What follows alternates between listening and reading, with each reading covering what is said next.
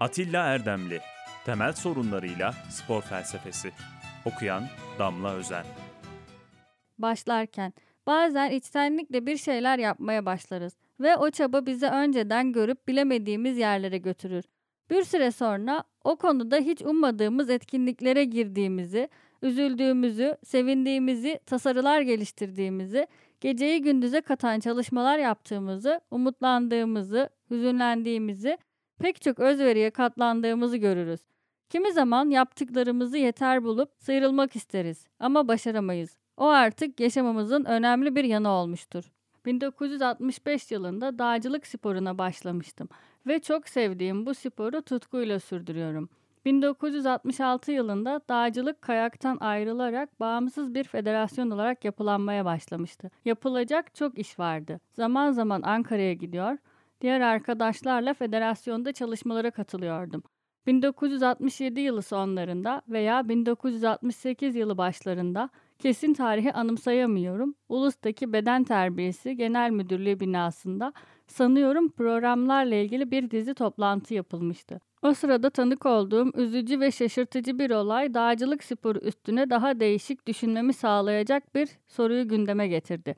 Dağcılık nedir? Sonraki aylarda ve giderek yıllarda sorunun yanıtını araştırırken spor olayına ve spor sınıflandırması sorununa girdim.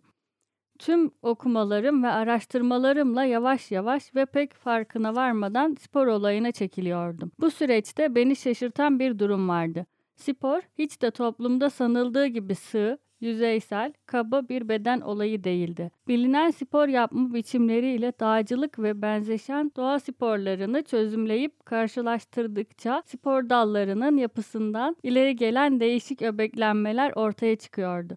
Sonunda dağcılık ve benzeşen dağ sporlarının spor ailesindeki yerini buldum ve ona temel özellikleri uyarınca özgür doğa sporları adını verdim. Bir özgür doğa sporu olarak dağcılık adlı oldukça uzun yazı ve İstanbul Türk-Alman Kültür Merkezi'nde 1983 yılında verdiğim konferans bu çalışmaların bir sonucuydu. Denediğim spor sınıflandırmasında bazı eksikler vardı. O nedenle yazıyı yayımlamadım. Eksikleri tamamlamaya, çalışmayı olgunlaştırmaya çabalarken bir başka soruyu irdelemeye başlamıştım. Spor nedir? O sıralarda bütün çalışmalarımın dağcılık sporunun temellendirilmesi ve spor sınıflandırmasıyla ilgili olduğunu düşünüyordum. Spor felsefesinden haberim yoktu. Çünkü spor felsefesi 1980'li yılların sonlarına değin Türk felsefe hareketi içinde duymadığım, karşılaşmadığım bir alandı. Neden sonra yaptıklarımın spor felsefesi olduğunu öğrendim. İnanamadım. Araştırdım, doğruymuş. Felsefede yoğunlaşıp derinleşmek istediğim alan spor felsefesi değildi. Yine de spor felsefesine ilgisiz değildim. Bir konuşma sırasında İstanbul Türk-Alman Kültür Merkezi'nin o zamanki başkanı Doktor Albert Wassener'e spor felsefesinin değişik sorunları üstüne söyleşiler düzenlenebileceğinden söz ettim. İlgilendi. Bu konuda birkaç kez görüşme yaptık ve Türkiye'de spor felsefesinin doğuşunu sağlayacak ilk girişim için bir yıldan fazla sürecek çalışmalara başladık. Sonunda Türkiye'de ilk spor felsefesi sempozyumu, Türk-Alman Kültür Diyaloğu'nda spor ahlakı ve spor felsefesinde yeni yaklaşımlar sempozyumu adıyla 11-12 Kasım 1990 günlerinde İstanbul Üniversitesi Edebiyat Fakültesi'nde gerçekleşti. Bir yıl sonra aynı adla kitabı da yayınlandı. Bu Türkiye'de bugüne değin yapılan ilk ve ne yazık ki son spor felsefesi sempozyumu oldu. O sırada Türkiye Milli Olimpiyat Komitesi Başkanı Sinan Erdem olimpizm konusunda da çalışmalar yapmamı istedi. 1991-1992 akademik yılında İstanbul Üniversitesi Edebiyat Fakültesi Felsefe bölümünde 6 yıl sonra öğrenciler ilgisizliği nedeniyle programdan çıkartacağım spor felsefesi derslerini vermeye başladım. 1992 yılında TİMOK üyesi ve Ulusal Olimpik Akademi Başkanı oldum. Bu sorumluluk spor felsefesi çalışmalarıma yeni bir boyut getirdi ve 1994 yılında benim ilk kitabım Türkiye'nin de ilk spor felsefesi kitabı olan İnsan, Spor ve Olimpizmi yayınladım. Tükenmesine karşın kitabın ikinci baskısına girmedim. Biraz sonra da değineceğim üzere spor felsefesi üstüne daha köklü bir çalışmanın başlaması gerekiyordu. Temel sorunlarıyla spor felsefesi bu düşüncenin ürünüdür. Bu kitaba koşut olarak yazma yazmayı programladığım spor yapan insan da insan spor ve olimpizmdeki konuları da yeni baştan ele alacağım. Hiçbir olayın değeri, önemi, işlevi yalnızca kendisiyle sınırlı değildir. Her olayın değerini belirleyen aynı zamanda yarattığı olaylardır. Bazen gerçekten üzüldüğümüz bir gelişme, sonradan bize apayrı ve yapıcı, yaratıcı ufuklar açabilmektedir. Büyük bir sevgi, bilinç ve özveriyle çalışmalar yaptığım Timok Ulusal Olimpik Akademi'de başkanlıktan istifa ettikten sonra felsefe çalışmalarıma daha çok zaman ayırmaya başladım. Gerek doktora ve gerekse de sonrasında Şilaya Maha üstüne yaptığım çalışmalarda felsefedeki ağırlıklı ilgi alanım belirmişti. Yaşama felsefesi. Yaşama sorunu insanın en temel sorunudur. İnsandan başka hiçbir varlığın yaşama sorunu yoktur. Yaşaması hem çok yönlü ve hem de çok katmanlı olan insanın yaşama sorunu da aynı özellikleri taşımaktadır. Bu nedenle yaşama felsefesi içinde değişik sorun alanları bulunmaktadır. Örneğin ahlak felsefesi felsefesi ya da etik, devlet felsefesi, teknoloji felsefesi, din felsefesi, tarih felsefesi, aydınlanma felsefesi gibi. Çalışmalarım geliştikçe yaşama felsefesinden sorun alanları içinde bir alan daha bulunduğunu gördüm. Spor felsefesi. Spor felsefesi felsefe çalışmalarım içinde bir yer bulmuştu. Artık yaşama sorununun ele alındığı her yerde spor yapan insan da ele alınmalıydı. Sporun insan yaşamında vazgeçilmez bir işlevi vardır ve onun göz ardı edildiği, önemsenmediği, dışlandığı her zamanda ve yerde yaşamada aksamaktadır. Spor yaşamanın içindedir. Fakat günlük, taşıyıcı olan yaşamanın üstündedir. Spor bir sembolik yaşama bağlamıdır. Öte yandan insanın varlık yapısıyla her bakımdan vazgeçilmez ilişkisi nedeniyle bir temel haktır. Sporun bir toplumda gerektiği ölçüde ve düzeyde yapılabilmesi bir bilince bağlıdır. Böyle bir bilincin ortaya çıkmadığı ya da gelişmediği dolayısıyla sporu doğru dürüst bilmeyen toplumlarda spor felsefesi yapmak yadırganacaktır. Spora yabancı bir toplumda spor felsefesi yapanla kim ilgilenir? Spor felsefesi üstüne makale ya da kitap yazılsa kim alırdı okur? Çünkü bu kitabı felsefeyle ilgilenenler küçümserler. Felsefenin yüce sorunları arasında böyle önemsiz bir konunun işi ne?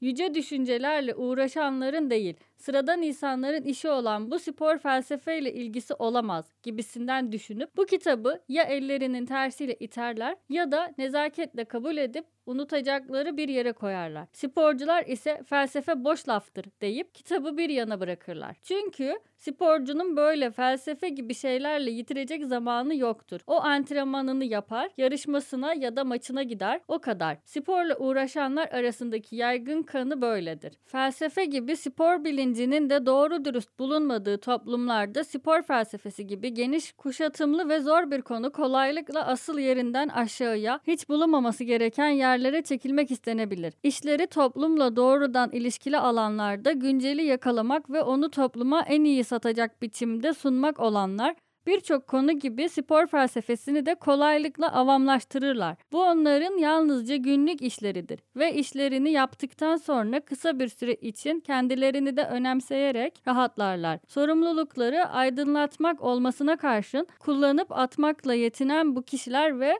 Onları güden kuruluşlar hep olup biten peşinde koşarlarken geriye harabeler bırakırlar. Yaşamanın her kesiminde, her düzeyde, her kılıkta ortaya çıkabilen ve değerli her şeyi gelip geçici değerler ve çıkarlar uğruna harabeden bu barbarlığın temel nedeni cehalet ve basiretsizliktir. Ona karşı en sağlam direnme, en yapıcı savunma, doğru olanın olabildiğince bilinmesi ve ne yapılacaksa bu bilinçle yapılmasıdır. Bu nedenle böyle toplumlarda spor felsefesi yapmanın tam zamanıdır. En büyük fukaralık düşünce fukaralığıdır. Düşüncesi kıt olanın ilgisi, merakı, soruları ve ufku da kıt olur. Düşünce fukarası olmak için mutlaka sıradan, öylesine yaşayan biri olmak gerekmez. Düşünce fukaraları ilgilerini belli bir alanın dışına çıkartacak, hatta o alanın sınırlarına bütünüyle yayılacak kadar yürekli olamayan bilim ve düşünce adamlar arasından da çıkar. Böyleleri kendi ufuklarının alamadığı konulara karşı çıkarlar. Eğer o konunun gerçekliği ve geçerliğiyle karşı karşılaşırlarsa ilkin yatsır, giderek küçümser, son aşamada da ister istemez kabul ederler. Fakat yine de için için karşı tavırlarını sürdürürler. Bu insanlık tarihi boyunca az rastlanan olaylardan biri değildir. Her gücün değeri yendiği zorlukla ölçülür. Böyleleri olmasa belki de gelişmenin, uğraş vermenin tadında bir eksiklik bulunacaktı.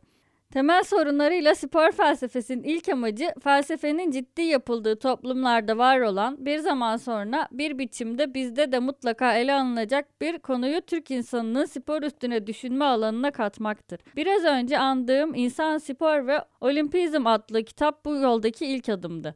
Fakat köklü bir başlangıç değildi. Bir alandaki çalışmalara, özellikle bu bir ortamda henüz iyi bilinmeyen bir alansa köklü ve doğru başlangıçlar yapmak bilgi ahlakının gereğidir. O nedenle belki daha çok ilgi çekebilecek olan parça çalışmaları bıraktım ve spor felsefesine girişi ele aldım. Spor felsefesi çok disiplinli bir çalışma alanıdır. Orada hem sporla ilgili hem de felsefeyle ilgili değişik bilgilerle iş görülür ve bu nedenle spor felsefesi yapandan hem sporu yalnızca bilgisel değil, spor da yaparak hem de felsefeyi iyi bir düzeyde bilmesini ister. Bu zordur. Bir gün Türkiye'de bu zor yolda yürümek isteyenlerin çıkacağını biliyorum. Spor felsefesi üstüne düşünüp, araştırıp yazabildiklerimi öncelikle onlara armağan etmek istiyorum. Çünkü bu konuda benim gibi bomboş ve kıraç bir toprakla karşılaşmasınlar. Hiç değilse kendisinden hareket edip onu eleştirecekleri, aşacakları bir dayanakları olsun istiyorum.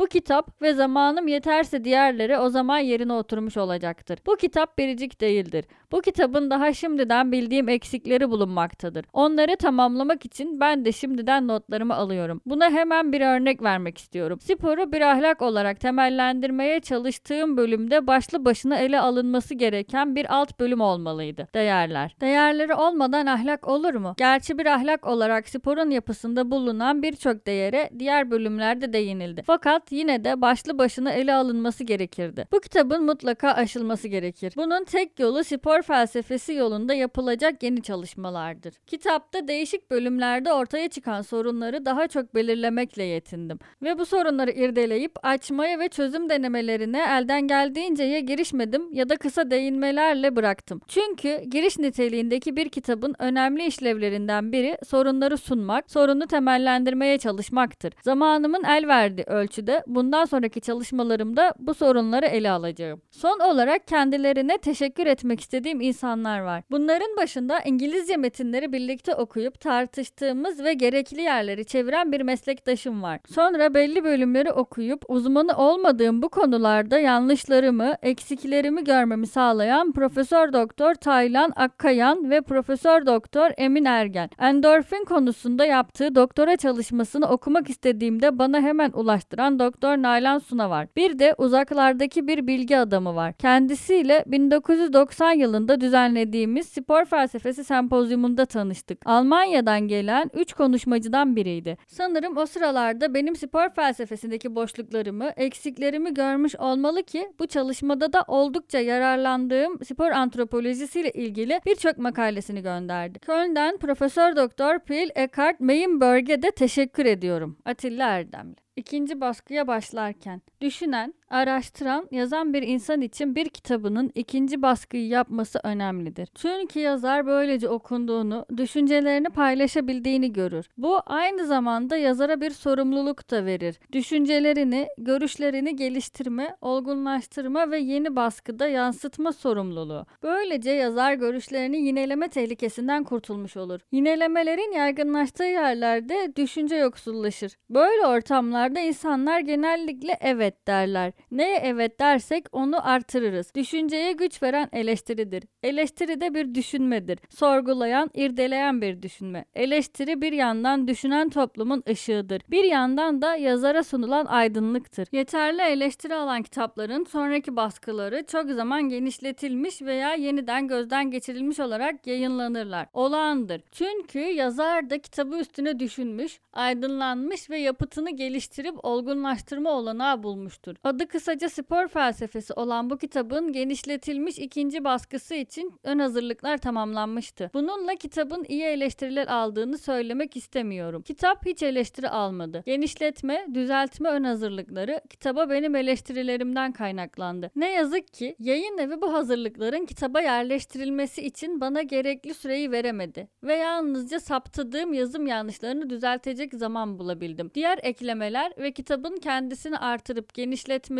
bir başka baskıya kaldı. Spor felsefesi neden eleştiri almadı? Bu sorunun önemli olduğunu düşünüyorum. Bir ortamda düşünen, araştıran insanların bir kavramı yaşayarak, varlığında duyarak ele almaları için bazı koşullar gereklidir. Örneğin o kavrama bağlı yaşamaların yaygınlaşması ve bireyin o yaşamalarda değişik bulunması gerekir. Moda anlayışlardan, göstermelik tutumlardan uzak, yeniliğe açık, samimi ve gelişen bir düşünme geleneğinin varlığı gerekir. Değişik sorun alanlarına ilişkin düşünsel alışkanlıkların bulunması gerekir.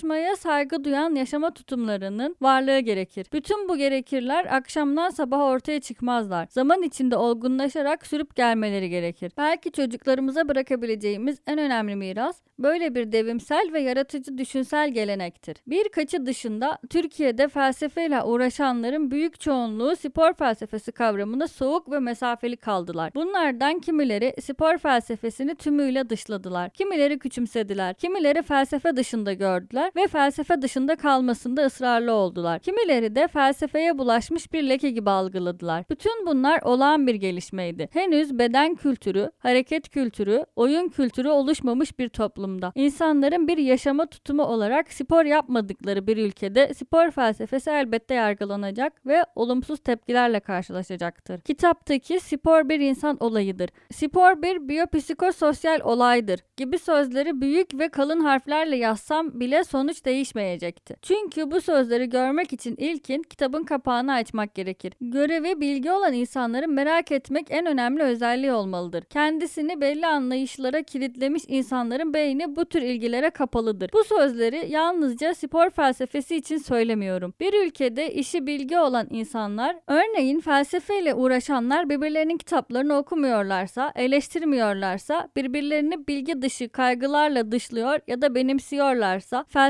adına ağırlıklı olarak yabancı felsefeler ve felsefeciler üzerine çalışıyorlarsa o toplumda bilginin ve felsefenin gereği oluşmaz. O toplumdan özgün felsefeler çıkmaz. Spor felsefesi ile spor kültürü arasında bir karşılıklı bağlılık vardır. Spor felsefesi için olgunlaşmış bir spor kültürü gerekir. Spor kültürünün gelişmesi, yetkinleşmesi spor felsefesiyle gerçekleşir. Nereden, hangisinden başlanacaktır? İlkin sporla başlamak gerektiği düşünülebilir. Oysa spordan da önce ilkin beden ile başlamak gerekir. Avrupa Rönesans'ta ilkin bedeni keşfetmeseydi 18. yüzyılda sporla ilgili hareketler ortaya çıkmazdı. Beden nedir? Bir spor felsefesi için en önemli sorulardan biri budur. Ardından diğerleri gelecektir. Türkiye'de bu soru henüz sorulmaya, sorulsa bile doğru düzgün yanıtlanmaya başlanmadı. Bugün Türkiye'de spor düşünsel, kültürel temelleri bulunmayan bir olay olarak sürmektedir. Bugün Türkiye'de spor konusunda ortaya çıkan her türlü olumsuzluğun arkasında bu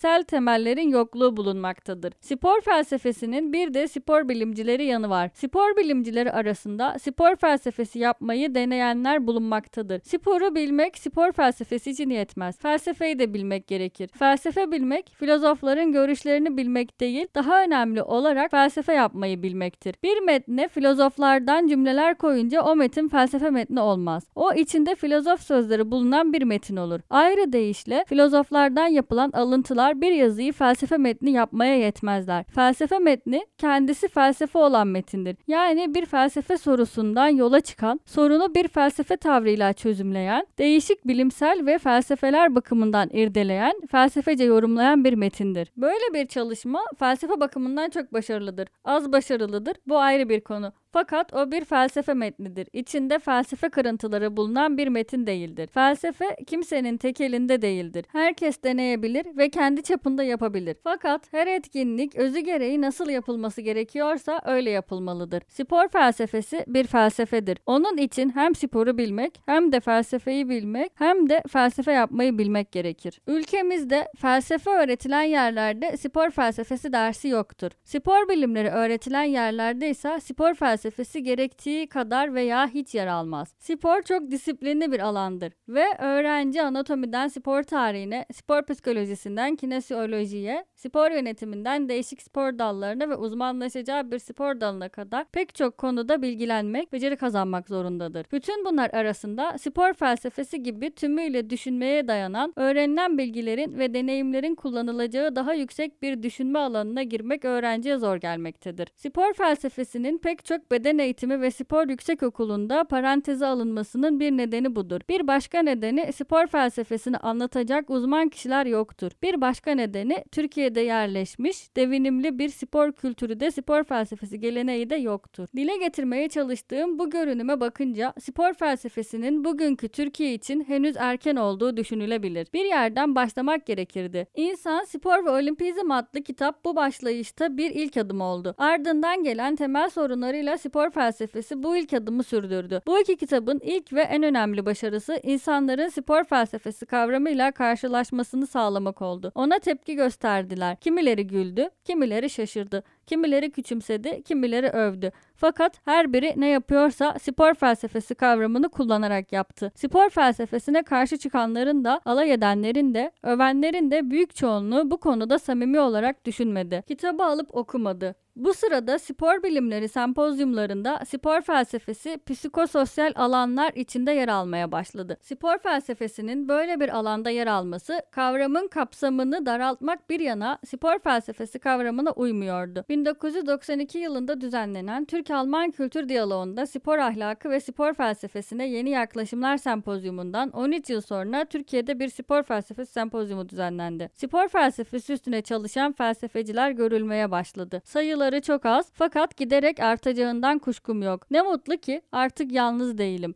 Bundan sonra geri dönüş olacağını sanmıyorum. Artık daha ileriye gidileceğine dair coşku veren bir güven taşıyorum. Bu güven bana spor yapan Türkiye'yi muştuluyor.